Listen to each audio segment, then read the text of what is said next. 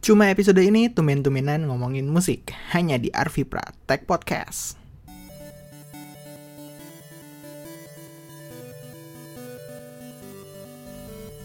Kalian sedang mendengarkan Arvipra Tech Podcast episode 97 tanggal berapa nih tanggal dan kayaknya ini gue uploadnya rada telat ya ini tanggal 27 November 2018 uh, makin dekat dengan episode 100 uh, walaupun kayaknya ulang tahun yang kedua tuh kayaknya udah lewat.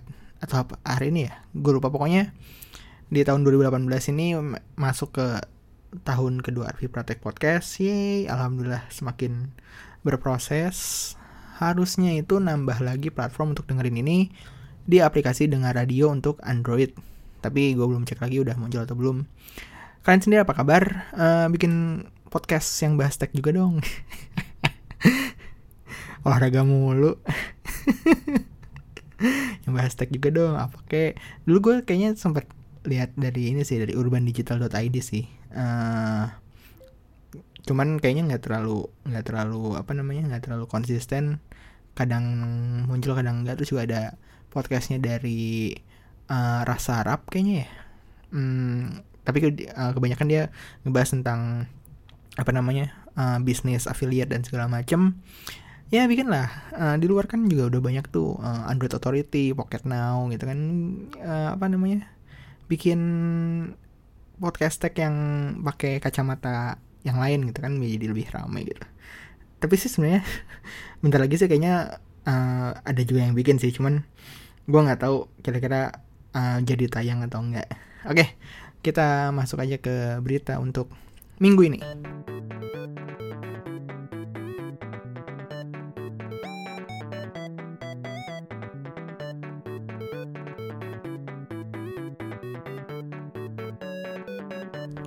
Oke, berita pertama datang dari LG. LG akan produksi smartphone dengan 16 kamera. Dari merdeka.com, dulu ponsel tidak memiliki kamera, lalu muncul ponsel berkamera dan teknologi yang tersemat di smartphone tersebut makin lama makin canggih. Belakangan, smartphone memiliki lebih dari satu kamera, dua kamera, tiga bahkan empat. Nokia bahkan dirumorkan sedang memproduksi smartphone dengan 5 kamera, namun adu jumlah kamera ini tidak berhenti sampai di sini saja. Terbaru LG mematenkan konsep 16 kamera di satu smartphone Melansir Phone Arena yang mengutip dari Let's Go Digital, paten yang diperoleh LG dari United States Patent and Trademark Office (USPTO) ini berisi konsep yang memperlihatkan adanya 16 lensa dengan panjang fokus dan karakteristik yang berbeda. Namun dalam satu sensor kamera ini, uh, ya punya 16 kam dalam satu sensor kamera, sorry. Ini adalah konsep serupa yang ditawarkan Nokia dengan 5 kameranya. Ya, ini ya apa namanya? Udah ada fotonya juga ya si si patennya tentang 16 kamera. Ya gue juga sekarang lagi pakai Samsung Galaxy A9 uh, eh, punya 4 kamera. Masing-masing uh, lensanya tuh ada fungsinya masing-masing. Ada telefoto ada ultra wide ada depth sensor ada normal lens dengan apa kemampuan untuk foto low light yang bagus. Harusnya ntar di viewnya minggu depan kali ya di gadget gaul. Hmm, ya ntar lihat aja reviewnya. Cuman terkait banyak banyakan kamera juga ini ya uh, awal-awalnya juga kan si Huawei juga kan yang pertama yang pakai tiga kamera. Ada monokrom ada telephoto ada normal lens gitu kan. Terus yang Mate 20 Pro itu monokromnya ganti dengan ultra wide. Dan ya pasti uh, apa namanya tren kamera makin banyak juga mungkin makin makin menjamur itu makin makin makin gede lah. Sayangnya mungkin smartphone 16 kamera dari LG ini kayaknya nggak akan masuk Indonesia karena uh, ya banyak gosip yang beredar. Kalau misalnya si LG ini uh, akhir November akhir November atau misalnya awal Desember udah uh, sorry bukan LG-nya ya tapi LG Mobile yang ngurusin smartphone-nya itu uh, akan hengkang dari Indonesia gitu. Jadi makanya kalau misalnya kalian ngelihat banyak apa namanya promo LG gitu kan yang murah kayak G7 Plus 10Q kayaknya berapa 7 juta? 6 juta? Nah itu emang buat ngabisin stok aja kayaknya ya ya gitu sih. Oke lanjut ke berita kedua. Survei Tokopedia jadi toko online dengan pengunjung terbanyak dari fifa.co.id Perusahaan riset asal Prancis, IPSOS, baru saja merilis perilaku belanja masyarakat di platform e-commerce. Dari sekitar 8, 280 juta total populasi yang ada di Indonesia, pengguna internet di daerah urban mencapai 72%, sedangkan untuk rural urban hampir menembus angka 50%. Secara bertahap perilaku konsumen berubah, bahkan omset industri tersebut menembus angka lebih dari 100 triliun rupiah. Boomingnya industri belanja berbasis aplikasi bisa jadi berkaitan dengan pesatnya penetrasi internet masyarakat. Hasil penelitian yang diberi tajuk E-commerce Outlook 2018 itu juga menunjukkan bahwa Tokopedia menduduki posisi pertama untuk kategori e-commerce yang paling banyak dikunjungi, nilainya sebanyak 40%, diikuti oleh Shopee 45%, Lazada 30%, Bukalapak 38%, dan Blibli 17%. Oke, emang sih gue juga rata-rata belanja apa-apa di Tokopedia. Bukan bukan sponsor bukan maksudnya bukan bukan paid promote atau apa cuman kenapa gue milih di Tokopedia soalnya uh, untuk pilihan sortirnya tuh lumayan gampang ya kayak gue pengen hmm, biasanya gue nge-filter dulu nih. Gue filter yang bisa dikirim hari ini uh, melalui Gojek atau Grab gitu kan. Uh, GoSend sama Grab Parcel gitu. Uh, yang pokoknya yang bisa di bisa gue terima pada hari itu juga gitu kan.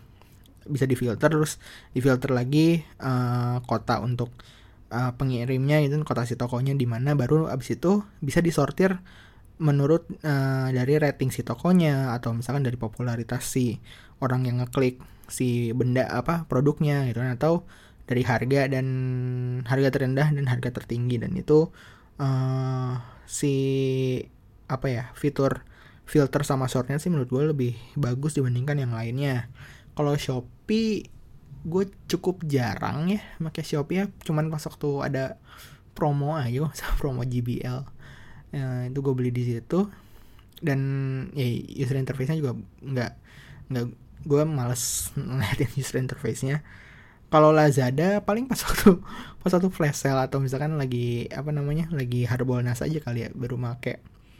Dan untungnya sampai sekarang sih gue belum pernah dapet pengalaman buruk sih Lazada walaupun mungkin ada beberapa teman yang yang pernah punya pengalaman buruk kayak barangnya nggak dikirim atau misalkan barangnya ditolak dan dijadiin voucher gitu kan nggak dikembaliin uangnya nggak dicairin uangnya gitu kan pengalaman gue pakai Lazada itu paling pas waktu flash sale Redmi 5A Xiaomi Redmi 5A ya mungkin berupa cerita kayak oh ini flash sale Redmi 5A jarang dapat susah dapat nah gue waktu itu tuh uh, gue dapet uh, berhasil check out Nah, tapi pas waktu pembayaran itu gagal.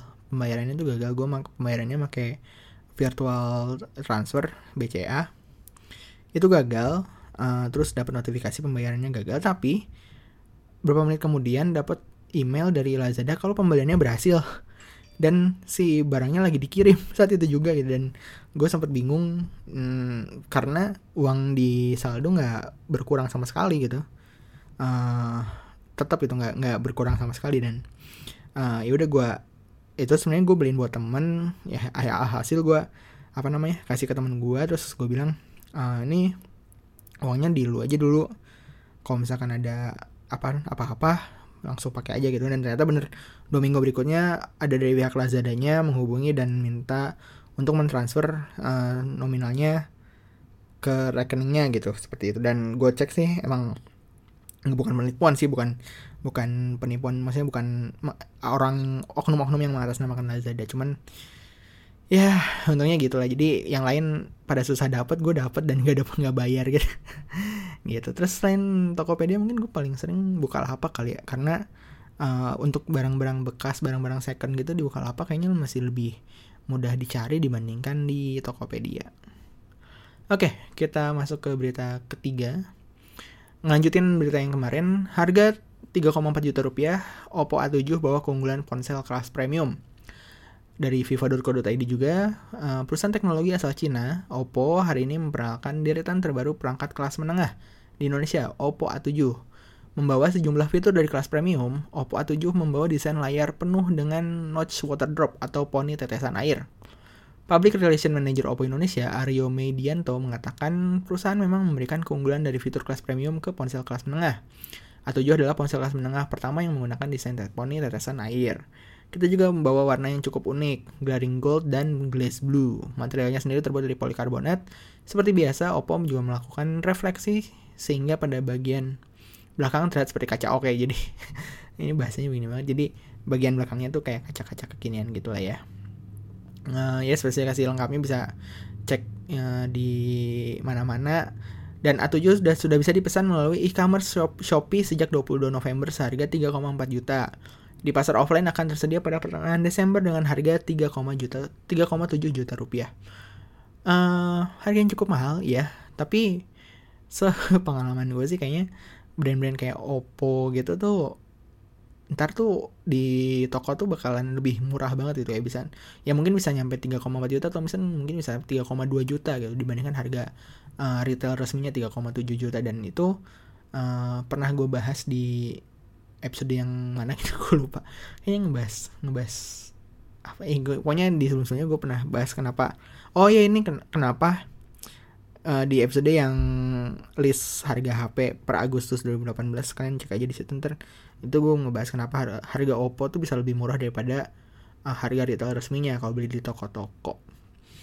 Dan yang gue dengar juga dari yang udah hands on uh, si Oppo A7 ini katanya night shotnya katanya bagus bagus banget katanya gue belum coba mungkin ntar lagi nyoba oke okay, ya Berita tadi gue baca dari aplikasi Kurio, sebuah aplikasi one-stop news untuk mencari berita-berita terkini dan menarik yang diambil dari berbagai sumber terpercaya. Selain berita, ada juga audio podcast dengan berbagai topik seperti agama, keluarga, olahraga, komedi, konsultasi, dan banyak sih banyak lagi.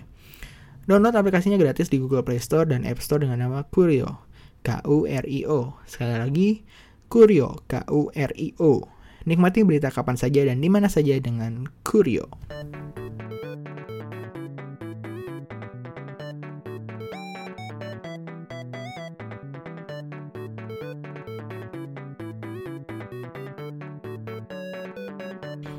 Oke, okay, uh, eh, untuk minggu ini gue coba geser sedikit ngebahas musik. Sebenarnya masih ada hubungannya sih. Ini soal streaming music yang menurut gue penetrasi di Indonesia khususnya ya lebih tinggi dibandingkan video on demand. Lebih banyak yang dengerin musik streaming dibandingkan video streaming. Mungkin menurut gue. Gila, klaim sepihak. Gue untungnya lahir di tahun 90-an, jadi masih sempet tuh ngalamin analog, digital, kaset, MP3 uh, dengerin lagu via kaset gitu kan walaupun belum sempet bikin mixtape mixtape gitu kayak yang mungkin beberapa orang cerita gitu loh gue bikin mixtape segala macam gitu kan pas cinta. Karena uh, pas waktu masa-masa cinta-cintaan gitu tuh udah MP3 MP3 player tuh udah cukup rame gitu jadi nggak belum belum sempet bikin mixtape gitu. Ya kayaknya mungkin kaset tuh waktu gue SD sih jadi pas waktu SMP tuh udah nggak nggak lagi dengerin lagu via kaset. Uh, dan ya mungkin yang dengerin ini juga inget lah ya kaset gitu kan. Terus dibaca tuh si sampulnya judul albumnya. Terus di si apa namanya si sampulnya itu ada isinya tuh ada lirik ada thanks to ada musisi yang ikut bantu. Produsernya siapa gitu music engineering engineernya siapa gitu. Pokoknya yang terlibat dalam pembuatan album tersebut dicantumin. Terus juga bisa tahu juga si musisinya udah punya pacar atau enggak gitu kan punya saudara atau enggak gitu sampai ke guru yang jadi inspirasi dia tuh siapa gitu yang ya biasanya tuh tertulis di thanks to thanks to thanks to nya gitu. Nah di saat yang bersamaan uh, musik digital juga udah mulai masuk. Awalnya tuh dari CD oke okay, CD itu digital ya by the way. Walaupun kelihatannya ribet kayak kaset. Tetap maksudnya ada fisiknya gitu kan. Mungkin banyak yang nyangka kalau digital itu sesuatu yang maya. Enggak CD itu termasuk digital. Uh, si sifatnya itu tetap digital cara ngebedain analog sama digital sebenarnya cukup mudah. Uh, kalau misalnya analog tuh jika ada cacat pada datanya, itu tuh tetap bisa dimainin, tapi kualitasnya akan hancur gitu, tergantung dari seberapa cacat. Misal, contoh dengerin kaset yang pitanya udah dol gitu ya, atau udah udah kebaret-baret gitu sih pitanya gara-gara apa dicoret-coretin pulpen atau apa gitu. Ya biasanya bisa dimainin bisa dimainin tapi suaranya entah jadi kerasa-kerasa atau misalnya berubah total gitu. Shifting suaranya jadi tone-nya lebih tinggi atau gimana gitu. Dan kalau digital itu ya kalau misalnya ada kecacatan ya si datanya nggak bisa kebaca.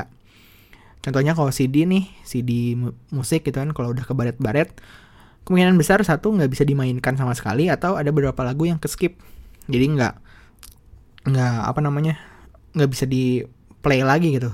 Bakalan nggak bisa di bakalan nggak bisa didengerin atau ada lagu yang di skip gitu. Ya kira-kira itu bedanya analog sama digital. Lanjut lagi ke ngebahas CD jadi dari CD musik ini tuh gue waktu dulu tuh coba koleksi gitu tuh. Koleksi berapa sih di band gitu kan. Ada beberapa yang bacakan tetap beli di kota kembang. Kalau kalian orang Bandung mungkin tahu kota kembang ya. Uh, tempat berkumpulnya DVD-DVD dan CD-CD bajakan gitu di semua di situ di di apa ya kalau prostitusi itu namanya apa sih? Oh ya lokalisasi gitu, di lokalisasi semuanya. Uh, ada juga tapi ada juga beberapa artis yang gue suka gitu atau band-band indie yang gue beli gitu. Walaupun pas waktu gue beli CD-nya tuh nggak langsung gue gue dengerin itu gue gue rip dulu jadi MP3 ujung-ujungnya gitu kan di ripnya juga pakai ukuran yang paling kecil 128 kilobit per second biar muat di HP ya maklum zaman dulu kan storage HP kan masih malu-malu ya. Uh, dan uh, pas waktu itu tuh gue make Sony Ericsson W550i yang slider muter, muter slidernya bisa muter gitu.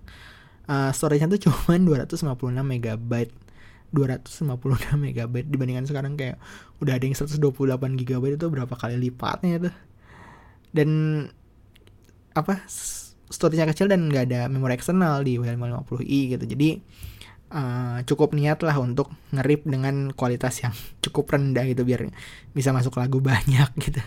Ya gitu. Dan uh, apa selain cukup niat dengan ngerip lagu dengan kualitas yang paling terendah juga gue juga cukup niat buat ngisi-ngisi si nama artisnya siapa gitu kan judul judul lagunya tuh apa nama albumnya apa, genre-nya apa, tahun produksinya kapan.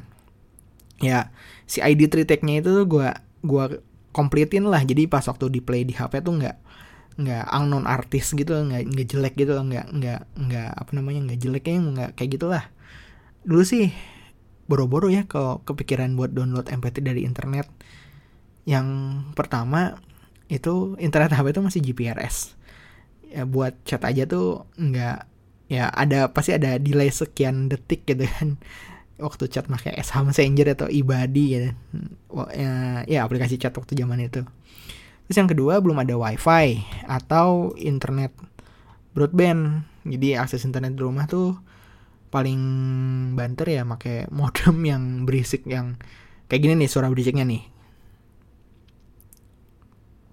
Dan dulu providernya tuh kan cuman Telkomnet instan ya. Ada sih Sentrin cuman jarang make Sentrin karena harus langganan sedangkan kalau Telkomnet instan tuh dulu bisa make kabel telepon biasa aja tinggal colokin modem dan beh bisa langsung internetan.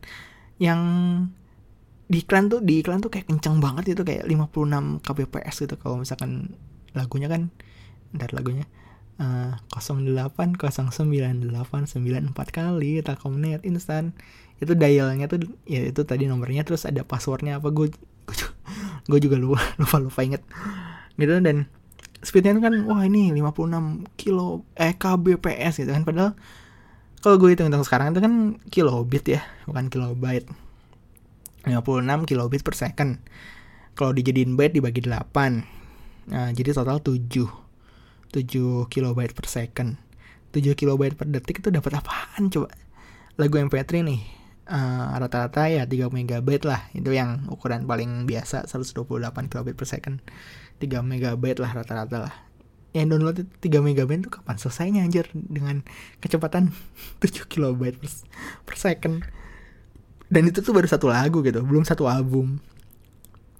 Terus yang ketiga yang ya paling akses apa namanya akses paling mudah ya paling ke warnet itu walaupun untung-untungan juga si warnetnya kenceng atau enggak gitu. Ada yang download pakai IDM gitu atau enggak. Kalau misalnya ada yang download pakai IDM biasanya dimarahin sama si operatornya. Tapi kecuali kalau misalkan si yang download ini udah kong kali kong sama si operatornya sih. Dan gue sih dulu kayak gitu. Dan dia download di warnet bisa. Cuman kan harus sedia juga flash disk gitu kan. Karena uh, ya masa si filenya cuma ditinggal doang di komputer gitu kan di folder nitip. Dan ya flash disk waktu zaman dulu pun masih mahal gitu. Flash disk 2 GB aja tuh bisa ratusan ribu. Ya sekarang sih kayaknya lu ngasih flash disk 2 GB ke orang tuh kayaknya cuma dijadiin gantungan kunci aja. Dan kayak ah ya 2 GB ya lumayan lah buat gantungan kunci aja sama kalau buat emergency kalau ada apa-apa. Nah baru di tahun 2014 kali ya itu tuh gue udah nyobain beberapa uh, layanan streaming musik gitu. Yang gue pertama pakai itu namanya Mix Radio dari Nokia. Jadi si Max Radio ini uh, sebenarnya mungkin ada yang nggak nggak nggak betah gitu ada yang bete. Soalnya dia nggak bisa milih lagu. Jadi di awal kita uh, sign in itu uh, apa namanya kita disuruh milih artis kesukaan kita sama genre yang kita suka gitu. Nanti si playlistnya tuh dia yang bikin si aplikasinya yang bikin sendiri gitu. Dan itu kalau nggak salah gratis dan nggak ada iklan. Cuman itu tadi nggak bisa milih lagu dan si playlistnya udah dibuatin sama di dianya. Dan ya buat gue sih sebenarnya senang-senang aja karena gue orangnya cepet bosenan ya kalau misalnya lagunya tuh mulu gitu. Jadi kalau misalkan apa playlistnya dibuatin gitu kayak kadang-kadang nambah hazanah uh, lebih luas gitu tentang musik-musik yang perlu didengerin gitu kan. Dan mungkin eh, ada beberapa yang ih cocok juga nih dan segala macem. Gitu. Dan si playlistnya tuh bisa di download offline juga jadi nggak perlu khawatir kuota jebol gitu. Nah baru setelah itu gue uh, nyobain Spotify. Nah, gue nyobain Spotify-nya itu pas waktu sebelum resmi di resmi masuk Indonesia. Jadi harus pakai pakai VPN karena kalau misalkan kita akses Spotify biasa pasti uh, ada tulisan ya Spotify belum mendukung negara Anda. Uh, apa namanya? Uh, isi questionnaire ini agar Spotify cepat masuk ke negara Anda kayak gitulah. Jadi gue harus pakai VPN untuk masuk Spotify. Jadi ya ya lumayan ribet gitu untungnya sekarang kan udah resmi udah gampang banget untuk pakai Spotify satu hal yang gue seneng dari streaming musik itu ya eh, nggak uh, perlu repot ngurusin ID 3 tag lagi gitu kan tadi kan gue cerita gue harus apa namanya ya masukin nama artisnya masukin nama albumnya masukin segala macam biar si tampilan di pas waktu dengerin tuh nggak non artis gitu. Jadi semua lagu yang udah ada di layanan streaming musik itu pasti uh, udah dikasih semuanya tuh judul lagu nama musisi nama album keluarnya tahun berapa genrenya apa gitu kan. Disortir juga lebih enak gitu kan. Soalnya di ya di beberapa kesempatan pas waktu ya yang gue cerita tadi bisa dibilang 70% waktu pas waktu gue lagi dengerin lagu ya kebuang pas waktu untuk ngerapihin library sama masukin album artwork satu-satu gitu. Ya supaya apa? Supaya gue tenang aja supaya gue nyaman aja. Soalnya nggak ada nggak ada kayak ya udah kalau kalau dengerin lagu mah dengerin lagu aja kali nggak perlu repot gitu. Cuman kayak kayak gelisah gitu loh misalnya ngeliat uh, apa namanya uh, angnon artis gitu atau album artisnya tuh mas-mas baju OB gitu. Itu gue tuh kayak nggak bisa gitu nggak bisa.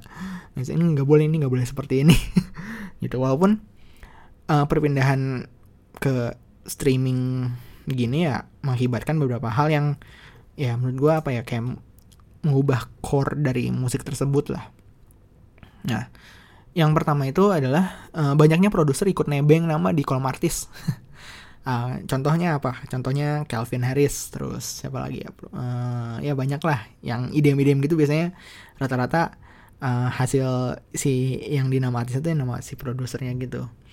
Ya sebenarnya gue sih nggak apa-apa gitu, gue sih ya mewajarkan aja gitu. Dan uh, ya karena si produser pasti punya andil yang gede gitu dalam pembuatan sebuah lagu gitu nggak cuma nebeng nama nama kayak apa tugas tugas tugas sekolah tugas kuliah gitu yang kayak uh, eh ntar uh, eh, gue yang printin deh uh, ntar nama gue tulis di situ gitu nggak kayak gitu pasti punya punya andil lah ngitung pasti dia juga udah ngitung ngitung uh, gimana apa namanya si pembuatan lagunya sampai jadi untung gitu nggak mungkin cuma sembarang ya nebeng nama doang gitu hmm.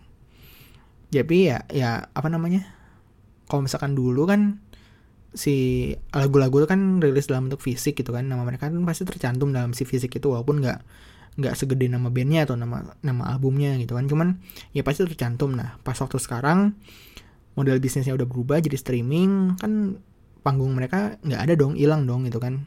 Jadi ya masa harus bikin kolom baru gitu produsernya siapa music engineer-nya siapa gitu kan nggak kayak nggak efisien dan yang nggak banyak orang juga yang pengen tahu gitu. Jadi ya jelas masukin nama mereka ke kolom artisnya itu ya salah satu mm, dampak music streaming dan bahkan yang nyanyinya tuh kayak cuman cuman featuring aja di judul lagunya gitu. Kayak yang apa namanya si artisnya nama produsernya yang nyanyi uh, itu uh, nama artisnya nama musisi atau nama vokalisnya itu ya di judul lagunya gitu. Yang kedua itu album art itu hanya sebatas album art. Jadi apa ya, ya bahasa desainnya menurut gue dibikin efisien untuk ukuran kecil jadi si rata-rata album art tuh ya yang dibuat kayak mungkin hanya berupa foto gitu atau misalkan pola yang simple dengan judul album yang uh, si fontnya di emphasize biar kelihatan gitu. Saya bukan sesuatu yang jelek gitu. Nggak apa namanya bukan sesuatu yang hina gitu. Uh, rata-rata juga kan bahasa desainnya juga kan sekalian dipakai pas waktu promo gitu kan di billboard atau di media sosial. Cuma ya kanvas yang disediain kan jadi hanya ukuran 400 kali 400 pixel gitu. Jadi cukup sulit untuk naruh pesan lebih gitu di album art gitu kan. Hmm, sebenarnya ini perbandingan yang cukup jauh cuman ya co coba dibandingin sama beberapa album artnya Beatles gitu kan yang seakan-akan memberi pesan subliminal gitu kayak di Sgt. Pepper Lonely Heart gitu kan atau Yesterday and Today terus juga Abbey Road gitu kan. Kan banyak yang orang bikin apa punya spekulasi atau bikin fan teori gitu gara-gara si album artnya kan dan sekarang pun nggak nggak sampai segitunya gitu. Karena uh, album art sendiri ya secara visual cukup kecil dibandingkan zaman dulu yang harus lirisan fisik yang rada gedean gitu. Dan sekarang cuma paling berapa pixel berapa pixel gitu kan. Jadi nggak bukan salah satu center of attention dari sebuah produksi lagunya gitu. Dan yang terakhir adalah kecenderungan untuk merilis single atau EP dibandingkan full length album gitu atau LP ya long play ya wajar aja sih. Dari sekian misalnya 10 sampai 11 lagu di album pasti yang diputar berulang-ulang kali ya singlenya gitu. Ya walaupun jujur gue kangen bagaimana musisi bercerita pada sebuah album gitu kan. Masing-masing lagu itu tuh kayak bab atau chapter gitu yang ya apa yang kepikiran di gue sih cuman American Idiotnya Green Day sama The Black Parade-nya MCR jadi si urutan lagunya tuh didesain sedemikian rupa eh didesain sedemikian rupa. Jadi nggak hanya apa ya nggak cuman dari makna lirik aja tapi kayak dari emosi lagunya gitu kan. Uh, upbeat tempo dan uh, slow down temponya. Jadi kayak uh, dengerin untuk mendengarkan satu album full tuh nggak capek gitu. Ya gue percaya kok urutan lagu pada album tuh bukan hasil kocok dadu doang kayak oke okay, lagu yang ini track berapa ya? Lempar dadu. Oh 6 track 6 track 6 kayaknya enggak deh. Dan ini satu lagi nggak ada yang namanya kejutan bonus track di beberapa album. Termasuk yang uh, biasanya yang luar sih album luar sih. Album band luar biasanya suka nyempilin bonus track itu yang di list lagu tuh nggak di nggak ditulis. Cuman apa namanya pas waktu didengar kayak oh ini ada ada tambahannya nih gitu kayak kayak special features gitu walaupun kalau lu beli bajakan biasanya ditulisin juga sama si mamang-mamangnya gitu kayak uh, track 1 sampai 11 lagu terus ada track 0 bonus track gitu. Biasanya juga di di di si mamang-mamangnya niat gitu nulisin. Ya, perubahan-perubahan itu ya terjadi karena adaptasi medianya sih. Dulu orang akan setia dengerin satu album dari track pertama sampai terakhir baru ganti gitu kan. Atau misalkan sampai lagu yang dia suka terus diganti gitu kan. Ya, sekarang semua orang dengan mudah bikin play playlist yang terdiri dari lagu yang mereka yang suka aja gitu. Yang gue suka yang gue suka gue simpen yang gue nggak suka buang gitu kan. Jadi uh, apa namanya lebih selektif sih pendengar dalam menikmati sebuah karya musisi gitu. Ya terus juga tempat dengerinnya juga berubah gitu kan. Dengerin lagu dulu mungkin cuman di mobil atau di kamar gitu. Sekarang bisa dibawa ke WC uh, eh, jogging gitu kan dibawa jalan-jalan tanpa takut rusak atau lecet gitu. Otomatis yang model bisnisnya juga berubah gitu. Dibandingkan merilis satu album dalam satu tahun yang membutuhkan waktu dan uang lebih itu kenapa nggak rilis satu single setiap empat bulannya gitu kan? Dan exposure-nya juga kan pasti akan kejaga gitu karena setiap empat bulan ada kan ada konten yang fresh itu ada konten yang baru gitu. Nah kalau kalian ada album favorit andalan kalian nggak yang sampai cerita pembuatan albumnya tuh pun kalian cari tahu gitu kalian geek banget gitu kalian uh, apa namanya menggali si album tersebut kenapa bisa kayak gini terus inspirasinya siapa aja dan segala macam bisa reply di tertini atau ke media sosial Arvi Pratek Podcast di Twitter at Arvipra atau Instagram at Arvi Pratek Podcast.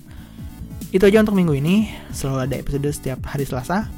Bisa didengarkan di Kaskus, Spotify, Kurio, Apple Podcast, Google Podcast, Castbox, Pocket Cast, dan podcast player lainnya. Kita ketemu lagi minggu depan. Bye.